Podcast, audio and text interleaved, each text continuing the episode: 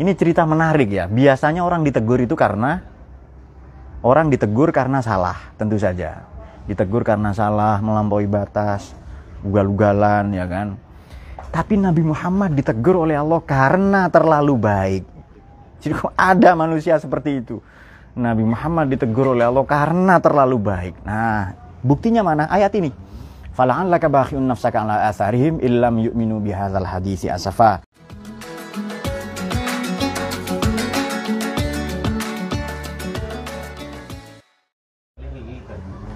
Assalamualaikum warahmatullahi wabarakatuh. Allahumma salli ala sayyidina Muhammad.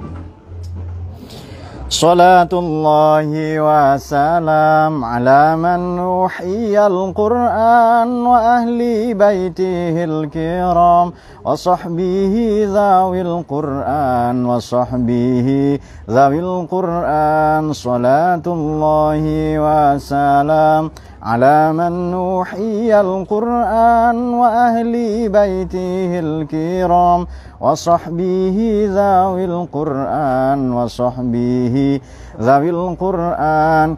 يا من يرى ولا يرى وفضله عما الآنام يسر لنا أمورنا بجاه صاحب القرآن وزدنا علما نافعا بما حاوى به القرآن صلاة الله وسلام على من أوحي القرآن وأهل بيته الكرام وصحبه ذوي القرآن وصحبه ذوي القرآن. فيا إلهنا اجعلنا من الآهال في القرآن وزدنا علما نافعا بما علمتنا القرآن. أمتنا في حسن الختام مع القبول بالقرآن. صلاة الله وسلام. حي القرآن وأهل بيته الكرام وصحبه ذوي القرآن وصحبه ذوي القرآن. الفاتحة.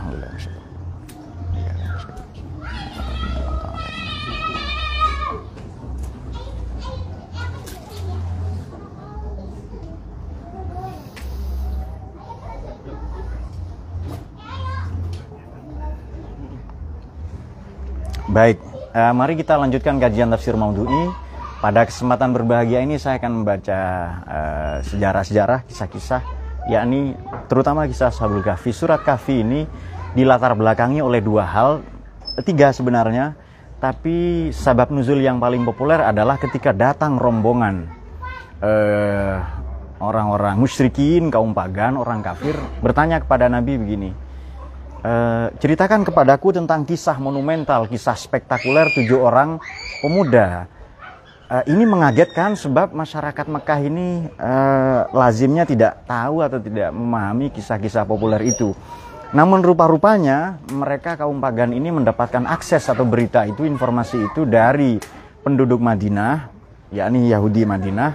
Tanyakan kepada Muhammad, kepada yang Nabi, apakah dia nabiun au mutanabbiun? Kata apakah dia seorang nabi atau mutanabbi? Ngaku-ngaku nabi. Kalau ngaku-ngaku nabi ini dukun berarti. Nah oke. Okay. tanyakan tiga hal. Satu tentang ruh dua tentang kisah tujuh pemuda yang spektakuler itu. Kemudian yang ketiga kisah tentang Zulkarnain atau Alexander the Great ya Alexander uh, Zulkarnain tapi banyak versi ya tentang Alexander ini. Oke. okay. Kalau uh, dia yang ngaku nabi, al-mutanabbi, dia Nabi Muhammad dituduh ngaku nabi ya, apakah dia mutanabbi atau nabi? Kalau memang dia bisa menjawab persoalan ruh, maka dia bukan nabi, dia mutanabbi. Tapi kalau dia bisa menjawab uh, pertanyaan tentang Zulkarnain dan maupun uh, Ashabul Kahfi, maka dia seorang nabi. Nah, Ashabul Kahfi direkam dalam surat ini, dalam surat Kahfi ini ya. Makanya kalau kita hafal ayat pertama sampai 10, ini selamat dari fitnahnya Dajjal ya. Tapi nanti ayat mengenai ruh itu dijawab oleh Allah pada surat Isra. Wa idza anamna 'alal insani arada wa nabi janibihi wa idza masahu syarru kana ya'usa kul kullu ya'mal 'ala syakilati wa rabbukum a'lamu biman huwa ahda sabila wa yas'alunaka 'anir ruh qulir ruhu min amri rabbi wa ma utitu minal ilmi illa qalila. Nah, itu dia. Oke. Okay. Uh, ini terdengar suara semilir ya karena kita disiarkan langsung dari tepi pantai ini di Bontang, Kalimantan Timur ini. Banyak yang menyaksikan ini ya. Saya ucapkan selamat ini Semoga Allah uh, muliakan semua yang ada di sini karena kecintaannya kepada Quran ya. Baik, langsung saja kita baca. Itu sabab nuzul yang paling populer ya. Kalau Muhammad atau nabi atau mutanabi, dia nabi atau ngaku-ngaku nabi bisa menjawab persoalan ruh mutanabi. Kalau bisa menjawab persoalan Ashabul Kahfi maka dia betul nabi. Oke. Okay. Pada pada surat Kahfi ini ada lima cerita populer di dalamnya nomor satu kisah Nabi Musa dan Nabi Hidir. Ashabul Kahfi tentu saja ya. Yang kedua kisah Nabi Musa Nabi Hidir, yang ketiga Zulkarnain, yang keempat iblis dengan Nabi Adam. Juga yang tidak kalah penting, yang kelima ada cerita dua orang petani pekebun. E, petani ini si miskin, dia tidak serakah tawakal kona'ah, sementara petani yang kaya justru rakus. Oke, kita langsung ke topik Alhamdulillahilladzi anzala ala abdihi alkitab wa lam yaj'al lahu iwaja. Segala puji ya bagi Allah yang telah menurunkan kepada hambanya Quran tidak ada iwaj. Iwaj ini bengkok di dalamnya. Langsung kita membuka tafsir Al-Mawardi. Iwaj ini Anukat Wal Uyun ya. Mungkin beberapa teman di sini belum tahu tafsir Al-Mawardi ini termasuk dalam kategori tafsir Jamul Akwal. Tafsir yang menghimpun banyak sekali pendapat, banyak sekali perspektif. Oke. Bismillahirrahmanirrahim ada salah satu takwilat, ada tiga, ada tiga penjelasan di sini, ada tiga takwil. Yang dimaksud iwaji itu apa? Yang dimaksud kontroversi-kontroversi di dalam Al-Quran itu apa? Kemudian uh, ia disusul pada ayat yang kedua, qayyimal liyunzira ba'san syadidan min ladunhu wa yubashshiral mu'minin alladzina lahum ajran hasanah. Uh, ia adalah bimbingan yang lurus, qayyim, mustaqim, liyunzira untuk memperingatkan ya, karena memang tugasnya Nabi ini salah satunya nazir ya. Baksan syadidan. Salah satu siksa, salah satu azab yang sangat besar. Ini lagi-lagi mengingatkan kemarin apa ya? Waktu membaca surat Isra itu asra bi'abdihi lailan. Aywajan. Kemudian uh, baksan syadidan. Ah, oke. Okay saya bahas dulu sebelum membahas iwajan itu apa. Iwaj kan maknanya bengkok. Perlu diketahui oleh teman-teman atau rekan-rekan di sini kalau ada suara nun mati atau suara tanwin, iwajan kan tanwin itu ya. Itu maknanya dalam tafsir itu dua, taklil dan eh, taksir. Maknanya bisa sangat banyak, bisa sangat sedikit. Jadi terjemahan yang tepat seharusnya begini. Ini mohon maaf ya kepada saya ndak ndak ikut terjemahan Kementerian Agama, tapi kan ndak apa-apa kan ya. Kita hidup di negara yang bebas berpendapat ini. Kalau benar. Jadi makna yang tepat seharusnya begini. Segala puji bagi Allah dialah zat allazi anzala ala abdihi. Yang menurunkan kitab suci. Alkitab ya kepada hambanya. Lam yaja'al lahu iwajan. Di dalamnya tidak ada sedikit pun. Itu dia. Itu baru betul itu. Karena makna tanwin, suara tanwin, iwajan, ba'san syadidan, lailan, uh, ridwanun, itu maknanya sedikit pun. Contoh, waridwanun minallahi akbar. Ridhonya Allah meskipun sedikit itu jauh lebih hebat daripada seluruh gedung-gedung istana-istana di surga. Jadi tidak ada tidak ada kontroversi, kesalahan-kesalahan, penyimpangan-penyimpangan sedikit pun. Itu dia. Saya ambil pendapat yang paling populer ini. Maka di sini juga bergeser liunzira qayyiman liunzira lurus ini ya sebagai bimbingan direction yang lurus liun zero baksan syadidan. Ini dia. Untuk memperingatkan akan siksa yang sangat berat. Berarti siksanya ini banyak ini. Tadi iwajan maknanya sedikit. Sekarang begitu baksan syadidan suara tanwinnya menjadi banyak. Saya kira sudah dipahami ini ya. Milladunhu dari sisi Tuhan wa yubasyirul mu'minin alladzina ya'maluna sholihat annalahum ajran hasanah pada saat yang sama memberi berita gembira. Orang-orang beriman dan beramal saleh ya uh, sebagai ajron hasanan ini loh Quran itu begini. Jadi pada saat tidak melulu mengancam tapi ngasih berita gembira. Jadi baksan syadidan disusul dengan ajron hasanan. Ini kan hebat sekali ini. Baksan syadidan ajron hasanan. Makanya baksan syadidan maknanya siksa yang berat, yang banyak. Ajron hasanan juga demikian. Tapi aywajan tadi maknanya sedikit. Ini dalam ulumul Quran ya. Jadi suara tanwin maknanya seperti itu. Ajrun azim, ajron aziman, ajron hasanan dan lain. Oke. Saya kira sudah kita dapatkan poinnya. Makisi nafi abada, kekal di dalamnya, itu tidak ada. Kemudian wa yunzirul ladzina qalu takhadallahu walada.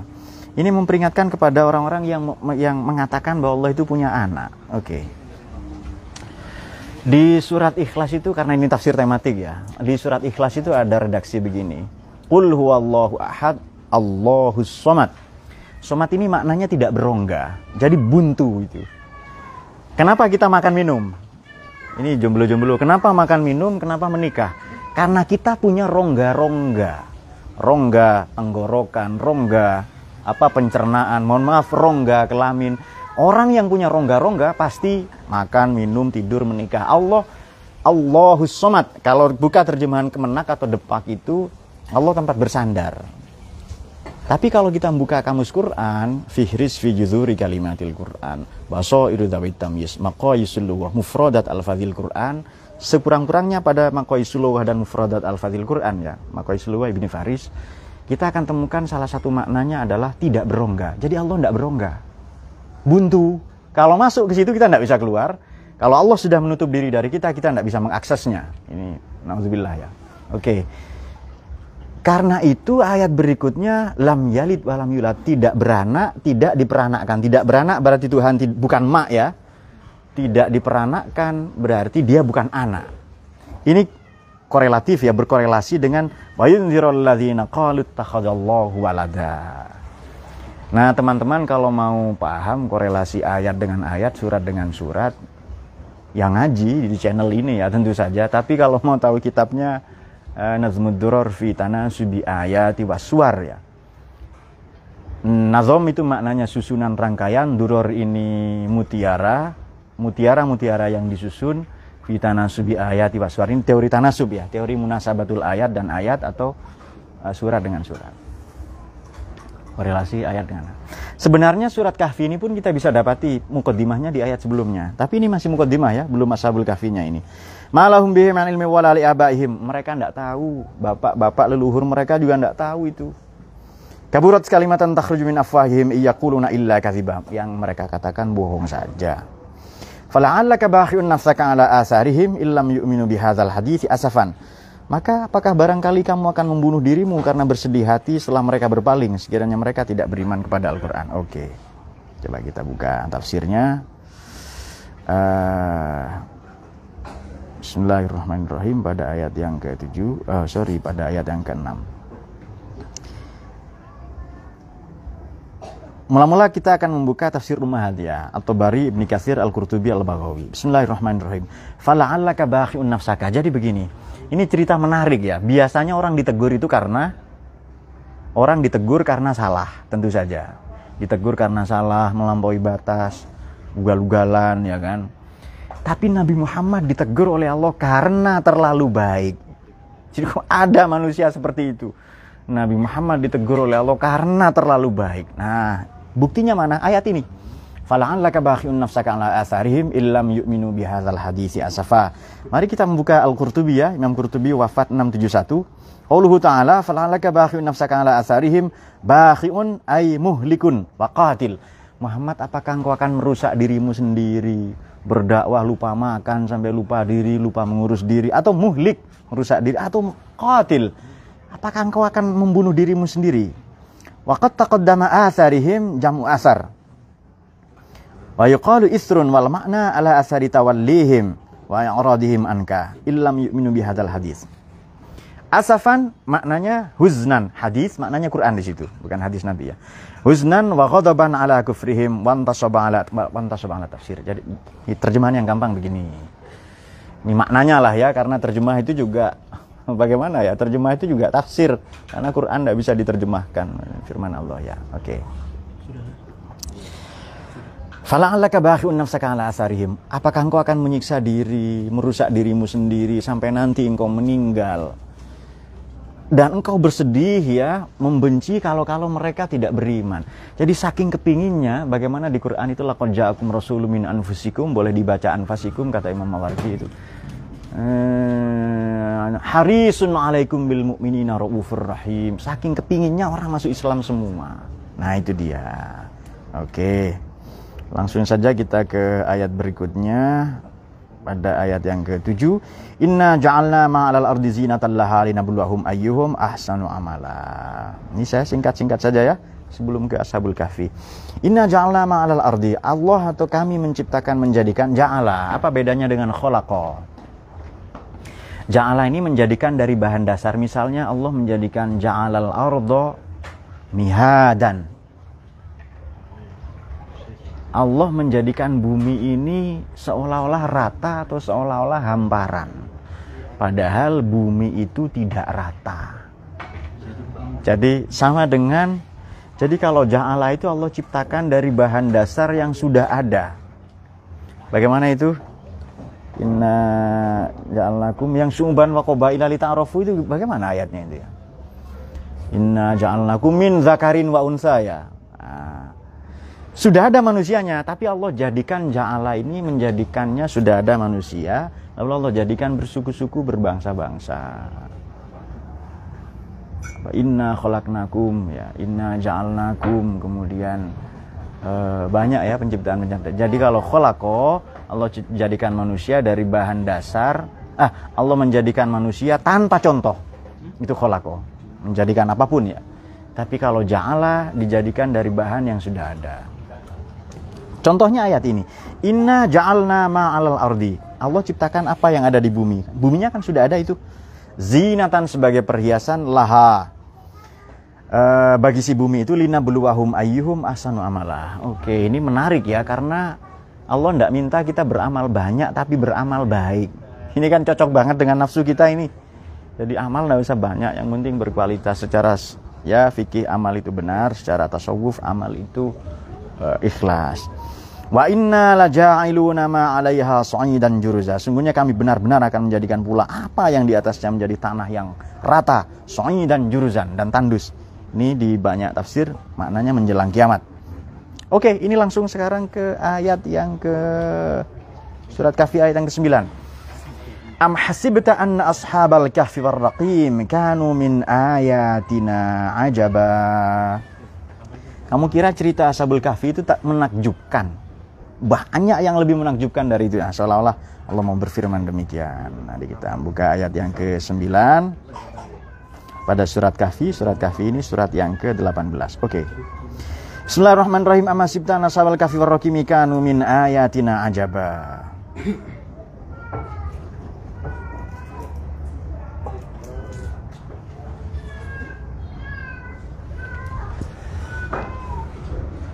Am hasibta, apakah kamu mengira? Tentu saja mereka yang dimaksud.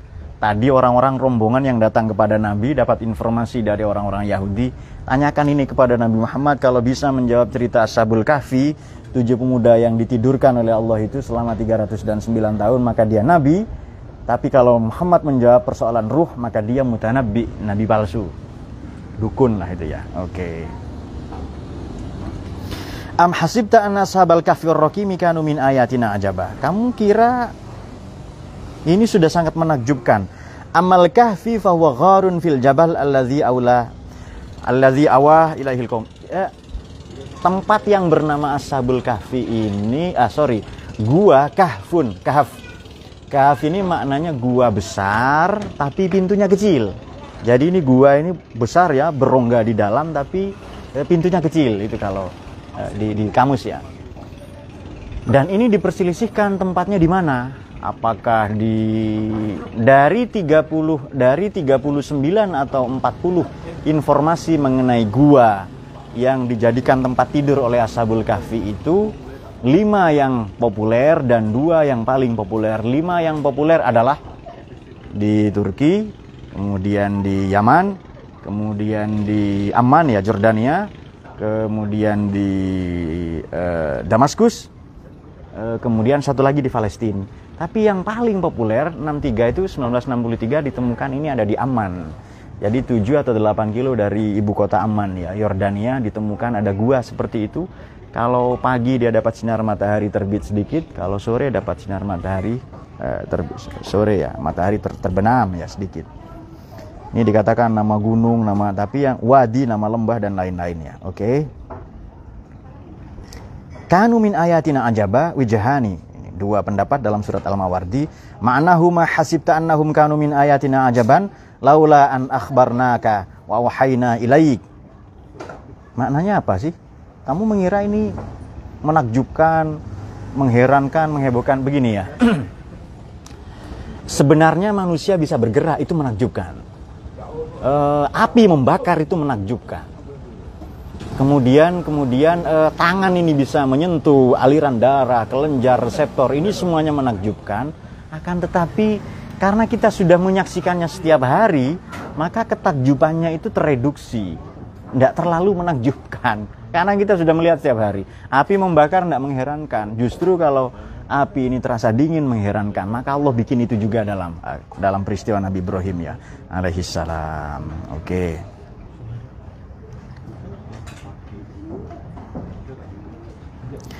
Iz awal fityatu ilal kahfi faqalu rabbana atina min ladunka rahmatan wa hayyi lana min amrina rasyada. Ingatlah ketika fityah, fata, fityah, fatwa itu akar kata yang sama ya. Para pemuda itu ketika mencari tempat berlindung ilal kahfi ke dalam gua, gua yang tadi berpintu kecil tapi berongga di dalam besar, Faqalu lantas mereka berdoa Rabbana atina min ladunka rahmatan wa hayyi lana min amrina rasyada sempurnakan anugerahkanlah kami petunjuk ya.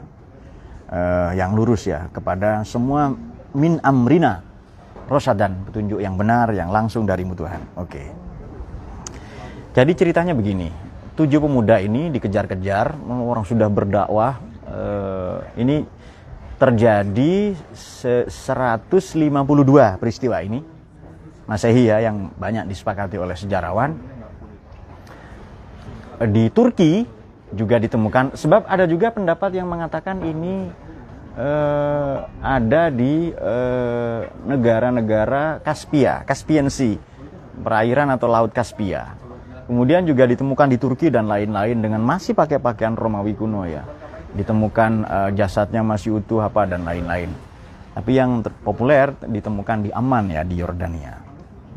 Ketika mereka berdakwah, kemudian dikejar-kejar oleh raja penguasa Tiran, Kemudian tujuh pemuda ini bermaksud menyelamatkan imannya dan lari ke dalam gua ya.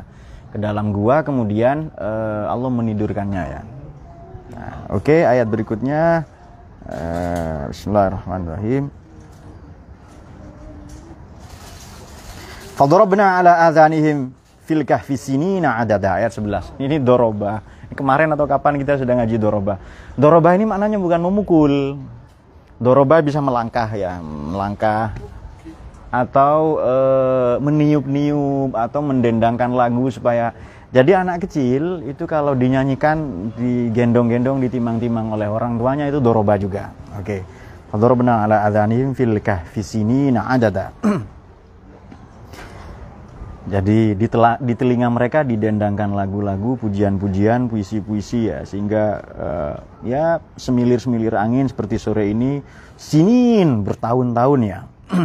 Kemudian semua bahasnahum lina alam ayu lisbani asoli mana bisa amada. Setelah itu dibangkitkan. Oke, kita apa ada pertanyaan? Kalau ada kita akan menjawab ini. Bismillahirrahmanirrahim. Ini masih berjalan pertanyaan-pertanyaannya. Oke.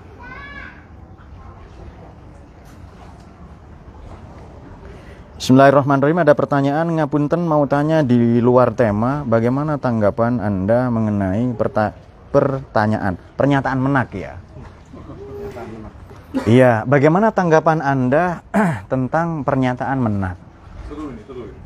Iya, biasa aja. Tanggapan saya yang ngopi dulu lah itu. Oke. Okay. Uh, eh, mengapa ada disinformasi berita, mengapa ada hoax ya, mengapa ada ada apa namanya adu domba, mengapa ada pemelintiran-pemelintiran, mengapa ada penggorengan-penggorengan. Ini semata-mata dilatar belakangi oleh dua hal. Ini dalam psikologi ya. Kok ini dibelokkan? Kok ini dibelokkan? Satu teramat cinta, yang kedua teramat benci. Baik, pernyataan menak ini tidak ada persoalan. Ini undang-undangnya sudah lama, sejak sejak zaman Orde Baru sudah ada sampai sekarang terus. Ini kan pernyataannya apa? Ini supaya pengeras suara ini diatur, bukan dilarang, apalagi menyamakan azan dengan anjing. Ini jelas pelintiran. Ini kejam sekali ya. Seorang seorang uh, ahli propaganda dari Rusia namanya Anatoly Lunacharsky menyatakan begini. Ini resiko ngaji sama ilmuwan ya, jadi Anda akan berpetualang ke mana-mana. Ini seorang ahli propaganda, propagandis dari Rusia mengatakan, Lunata, Anatoly Lunacharsky mengatakan begini. Kamu sampaikan kebohongan itu sekali. Kemudian kamu tutup-tutupi kebohongan itu dua kali. Terus kamu tutupi lagi supaya tidak ada orang tahu. Terus begitu sampai orang tahu bahwa yang bohong itu benar dan yang benar adalah bohong. Ini namanya propaganda baik bisa kelihatan buruk. Ya ini bisa dengan buzzer bisa dengan sosmed bisa dengan macam-macam lah ya. Saya menyimak pernyataan menag itu tidak ada persoalan cuma diatur saja. Kenapa dipotong-potong? Ya kita hidup di era ini kok. Kita hidup di era big data. Saya mau tahu nasi goreng atau apa menu di Bontang ini yang keren apa yang? Gami Bawis. Gami Bawis ya. Yang paling enak di Bontang atau di Kalimantan Timur. Saya tidak usah survei itu. Nggak usah nyuruh orang naik motor, naik mobil, nggak usah. Saya cuma buka NU Jack misalnya. Ini yang paling banyak diakses apa? Saya akan tahu. Jadi saya kalau mau buka usaha ikan, nasi goreng, nggak usah ke dukun. Tanya saja ini era big data namanya. Uh, provider provider itu tahu. Ini yang paling laris misalnya apa? Uh, gamis, uh, jilbab, apalagi cadar, apa ninja, apa yang paling laris-laris itu tahu karena setiap hari ada orang pesen paket-paket gitu. Itu ndak usah kita cari apa ke dukun atau apa. Nah, jadi menanggapi persoalan kemenak ah, menak ya eh, Gus Menteri ini saya kira ndak ada persoalan. Ini pengeras suara, apa azan, suara ikomah, tarhim tidak dilarang, hanya diatur waktunya dan volumenya. Sudah saya kira itu. Kemudian uh, pertanyaan kedua dari uh, uh, Ahmad Jayadi, mengapa Quran harus cerita banyak kisah sejarah tapi tidak presisi tempat dan nama dan tempat. Oke, ini bagus sekali hubungan dengan tema kita. Mengapa Quran bercerita banyak kisah sejarah tapi tidak presisi? Nama tidak jelas, tempat tidak kayak Ashabul Kahfi itu. Namanya siapa? Tempatnya di mana? Oke. Kita bisa mengungkapkan dua teori.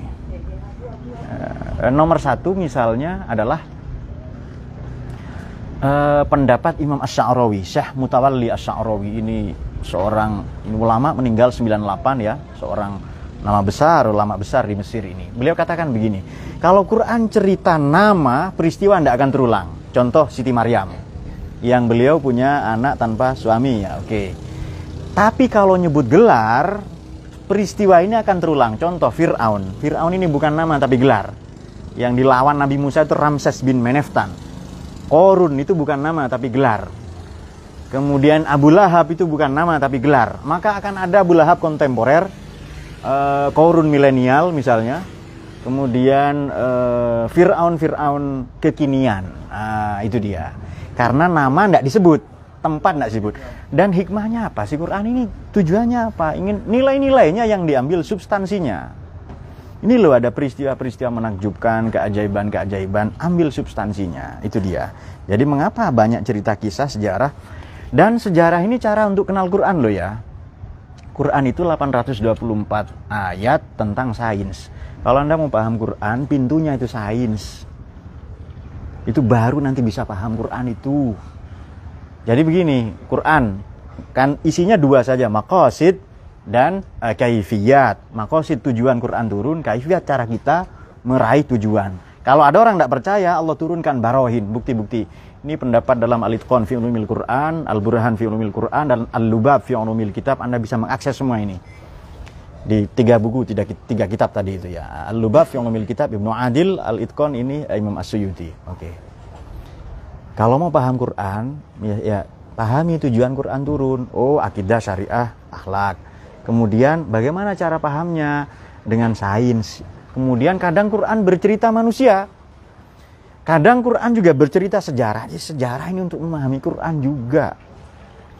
Jadi orang kalau mau paham Quran ya paham sejarah, antropologi budaya. Kemudian eh, arkeologi dan lain-lain. Baru nanti terakhir paling bawah paling pojok Quran ini cerita al-wa'ad wal wa'id.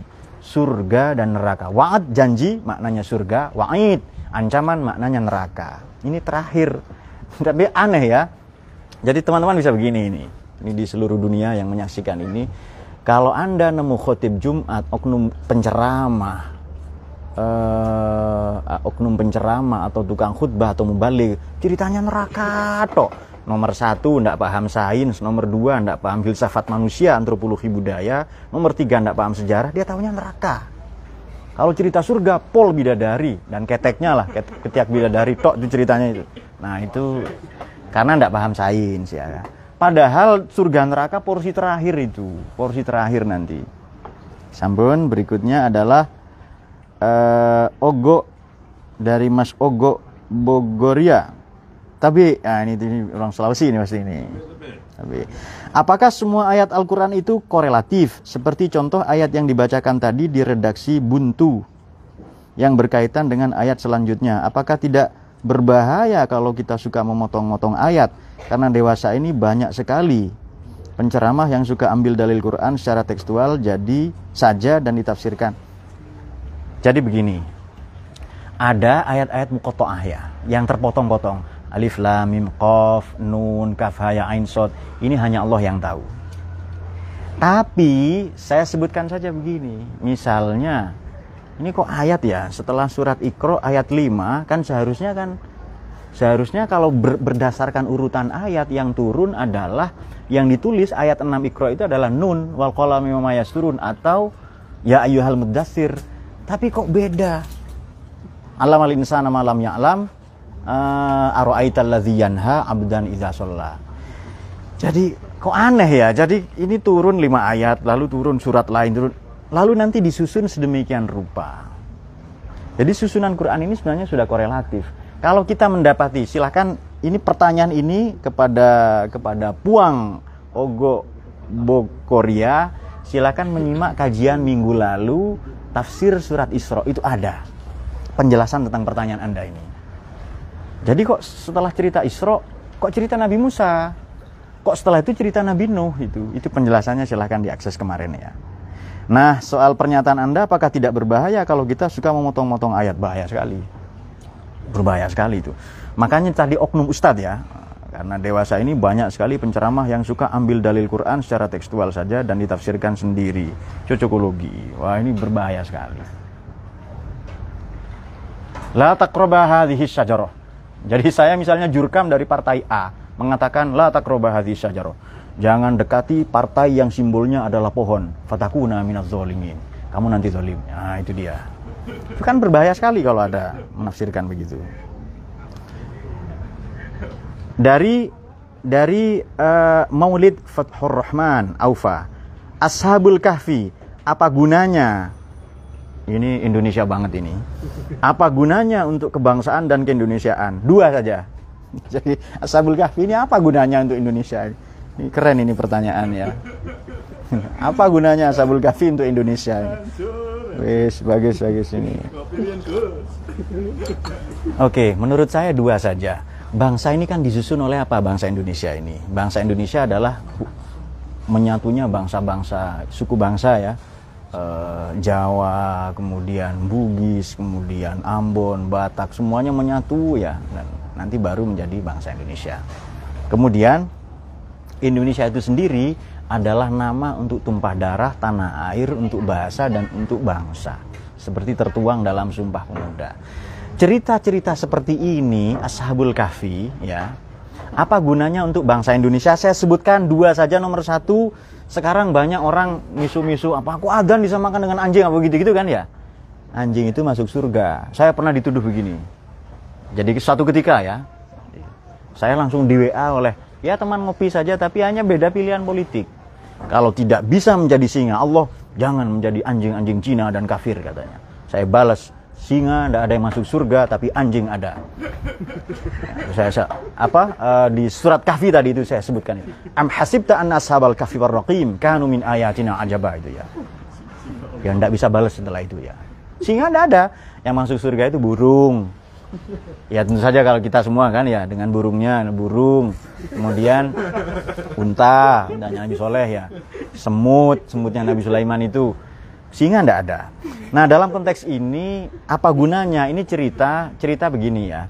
Ashabul Kahfi ini cerita pakai dua kalender.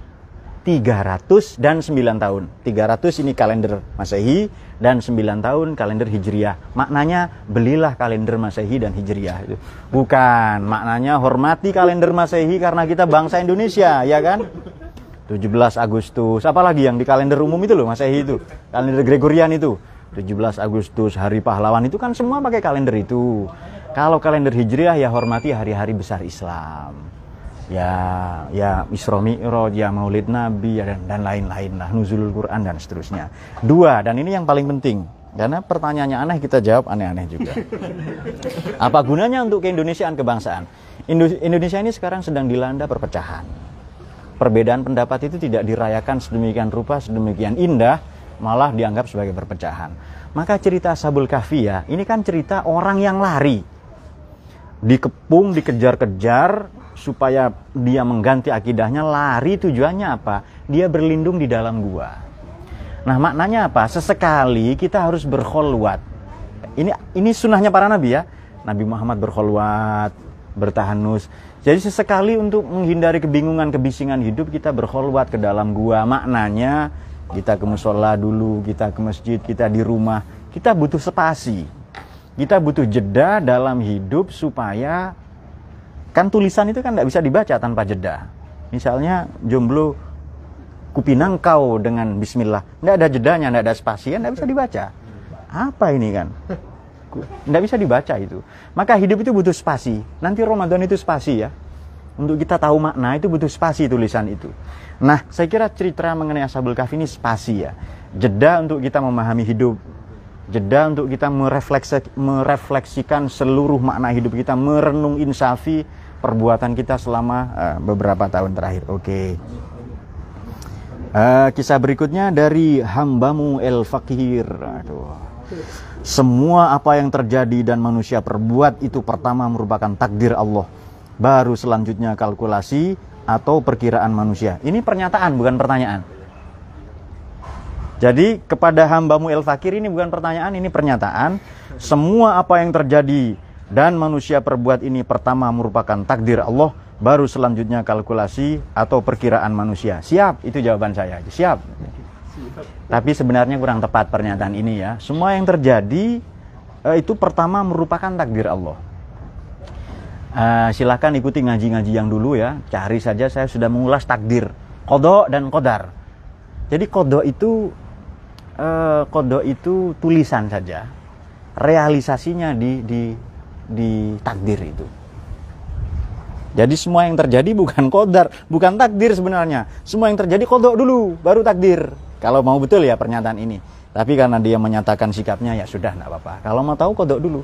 Maka doa yang diajarkan Nabi bagaimana? Ah, Allahumma inna nas'aluka aisyah suada wa mautas suada Allahumma gfir jami'al muslimin risalah. Kemudian Allahumma laka aslamna wa bika amanna wa alaika tawakkalna wa ilaika hakanna wa khasanna faghfir lana ma qaddamna wa ma akhirna wa ma asrarna wa ma alanna wa anta min antal muqaddim antal muakhir. La ilaha illa an wa nas'aluka Allahumma anta ja'ala kulla qada'in qadaitahu lana khairah kita mau ketentuan yang baik. Qadar itu realisasinya kita bisa upayakan itu dibahas minggu lalu ya. Ini benda saya jatuhkan pasti pecah karena gelas. Tapi saya berusaha, oh di bawah ini kita kasih karpet, mungkin pecah tapi tidak terlalu. Jadi kepada Mas Hambamu El Fakir urutannya kodok dulu ya. Tapi kalau itu pendapat Anda ya kita setuju saja mantap lah itu. Kemudian uh, ada lagi kah? Oga tadi sudah, Ogo kayaknya sudah semua ya. Kita sudah menjawab semua pertanyaan.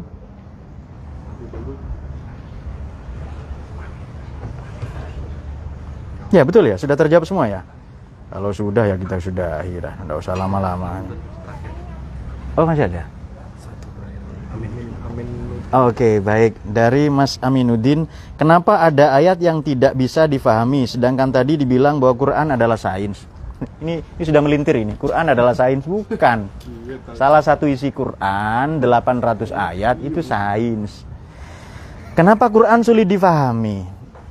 Ada ayat yang nggak bisa dipahami.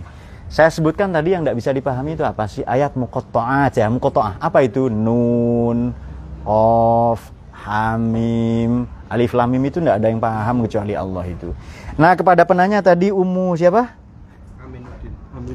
Kepada Amin Udin. Kepada Amin Udin saya saya jawab begini. Quran itu Mas Aminuddin katanya Imam Ali Zainal Abidin isinya empat. Jadi kalau paham Quran isinya empat ya. Oke.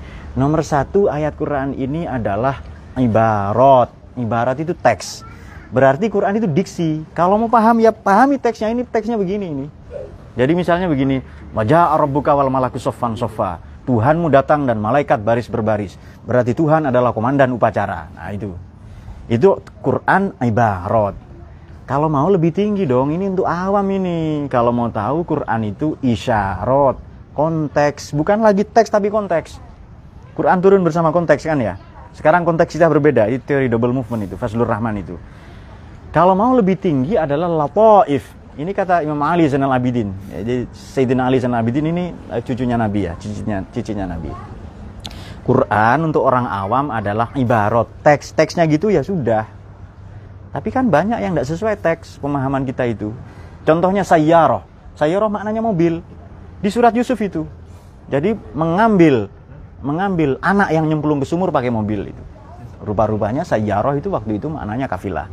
Jadi Quran ini ayat Quran nomor satu ibarat, teks, diksi. Nomor dua isyarat, konteks, indiksi. Nomor tiga latoif, Quran itu software. Ada kan cerita sabar di Quran. Anda paham kalau diinstal sabar itu. Yang ketiga, yang ketiga itu yang puncaknya yang keempat adalah Quran itu hakoik, hakikat. Tidak ada yang kenal, yang tidak ada yang paham kecuali Allah itu. Dan di Quran ini ini uh, harus banyak belajar ya kepada penanya ini kepada yang terhormat saudara Amin Udin ini harus banyak banyak sekali belajar ini. Karena katanya Quran sains loh saya tidak bilang gitu tadi itu. baru dengar saja sudah salah paham itu kan itu. Apalagi toa ya kan? Itu aduh. Nah oke okay, saya kira itu. Oh masih ada lagi ini khairul mutakin ya? Oh, okay, sampun, sudah. Khairul mutakin. Apakah ada kemungkinan Al-Quran yang sekarang dibukukan masih ada ayat yang belum dicantumkan? Tidak ada. Kalau ada yang Allah belum sampaikan karena kasihan ke kita. Itu dari Mas Khairul Mutakin. Jadi semua sudah disampaikan. Al yauma akmal tulakum. Sudah saya sempurnakan. Sudah saya sempur saya sampai semuanya sudah itu. Tapi Quran yang cuma 6 ribuan ayat ini apa bisa menyelesaikan seluruh persoalan? Ya. Kalau kita bijaksana, kalau kita bisa mencerdasinya. Wah, banyak ini. Silakan Anda buka kajian di di kanal ini ya, Sains Quran. Sains itu saya bahas beberapa kali itu. Sains Quran, psikologi Quran, sosiologi Quran, antropologi. Waduh, banyak lagi itu. Silakan buka di kanal ini ya, ada ratusan video itu dari Awandi Wabarik. Bagaimana cara mengetahui arah kiblat di hutan tapi tidak membawa fadom? Bagaimana mengetahui arah kiblat di hutan? Ya sudah, mustaqbil kiblati saja. Masa di di mana di hutan tidak ada matahari kah? Kan bisa kita tahu kan matahari terbit dari timur. Kalau dari barat berarti kiamat itu. Ya sudah cari petunjuk arah lah itu kan. Tapi kalau belum waktu sholat katanya, kalau belum waktu sholat misalnya, ya sudah nanti dicari saja. Kalau belum kalau sudah tiba waktu sholat, kiblat belum ketemu, sudah sholat saja itu. Bagaimana mencari kiblat di tengah hutan? Makanya nggak usah ke sana ya. nah itu bukan jawaban itu, bukan jawaban. Jadi Allah itu maha tahu ya. Ayat Quran itu yang cerita tentang kemudahan-kemudahan itu temuan saya 24 ya, mungkin bisa lebih ya. Intinya agama itu gampang hadis yang cerita kemudahan banyak sekali agama itu mudah jangan dipersulit sholat nggak bisa berdiri ya duduk nggak bisa puasa karena ibu menyusui atau atau ibu menyusui atau ibu hamil nggak usah puasa. Kemudian kalau miskin nggak usah zakat. Mau berangkat haji tiba-tiba apa dengkul kesemutan nggak bisa berdiri ya nggak usah. Ini hebat sekali ya. Jadi hukum Islam ini boleh memveto, boleh merevisi hukum, menganulir, boleh meringankan, merevisi dan bahkan menganulirnya sama sekali. Nih, wudhu sudah jelas itu. Hukum misalnya hukuman potong tangan misalnya. Wajib kan sudah fonisnya jelas di Quran. Tapi kalau musim paceklik nggak jadi. Kemudian ayo uh, uh, kalau wudhu misalnya uh, pakai air ya kan. Ternyata ada orang yang nggak bisa pakai air jadi hukum ini di dalam Islam disesuaikan dengan keadaan manusia konteks manusia sehingga memudahkan sama sekali tidak memberatkan. Jadi Mengapa Islam diterima sampai saat ini? Nomor satu Islam tidak memberhalakan bentuk. Masjid bentuknya terserah seperti apa, seperti gereja, seperti candi di di mana di Kudus itu boleh. Menutup aurat silahkan boleh pakai apa saja, pakai terpal, pakai karpet, pakai silahkan, pakai gamis boleh, batik, pakai banner pak, kardus, enggak apa-apa. Kemudian Quran atau Islam ini juga memudahkan. Hukum itu tergantung kita, bukan kita bergantung ke hukum. Itu enaknya itu loh kok ada ya agama se sehebat ini ajaran yang seindah ini kamu kalau tidak baik kepada tetanggamu kamu dianggap tidak beriman kepada Allah dan hari kiamat hari akhirat nanti itu kehidupan di akhirat kamu kalau tidak baik kepada kepada tamu menghormati tamu kamu dianggap tidak beriman kepada Allah dan hari akhir kok bisa ya iman ke tetangga hubungannya dengan akhirat ini kan artinya kalau kita kalau tetangga miskin kita punya dosa sosial itu saya saya, saya kira demikian ya. Jadi Islam ini diterima karena tidak memutlakan bentuk, monggo bentuknya terserah. Yang penting substansi. Makanya cerita-cerita di Quran semuanya substansi ya kan? Tempat tidak ditentukan, nama tidak disebut. Itu substansi semua. Ya silahkan. Intinya kan menutup aurat, batasnya dengkul sampai pusar kalau laki-laki. Ya monggo, fanatik kardus, kardus. Mau triplek triplek gitu. Karung goni karung goni silahkan sesuaikan dengan kebudayaan. Tidak harus gamis. Ini kalau saya bilang gini dianggap anti Arab padahal memang faktanya begitu. Nah itu dia. Saya kira demikian. Masih ada lagi? Sudah ya uh, baik demikian. Semoga semua dicahayai oleh Quran. Matur nuwun kepada yang menyimak langsung maupun tidak langsung di sini. Jazakumullah semuanya. Mari kita sudahi dengan pembacaan doa. Allahumma arhamna bil Quran waj'alhu lana ونورا وهدى ورحمة. اللهم ذكرنا منه ما نسينا وعلمنا منه ما جهلنا وارزقنا تلاوته آناء الليل وأطراف النهار. واجعله لنا هجة يا رب العالمين. اللهم فيك الأمر الطريق السلام عليكم ورحمة الله وبركاته.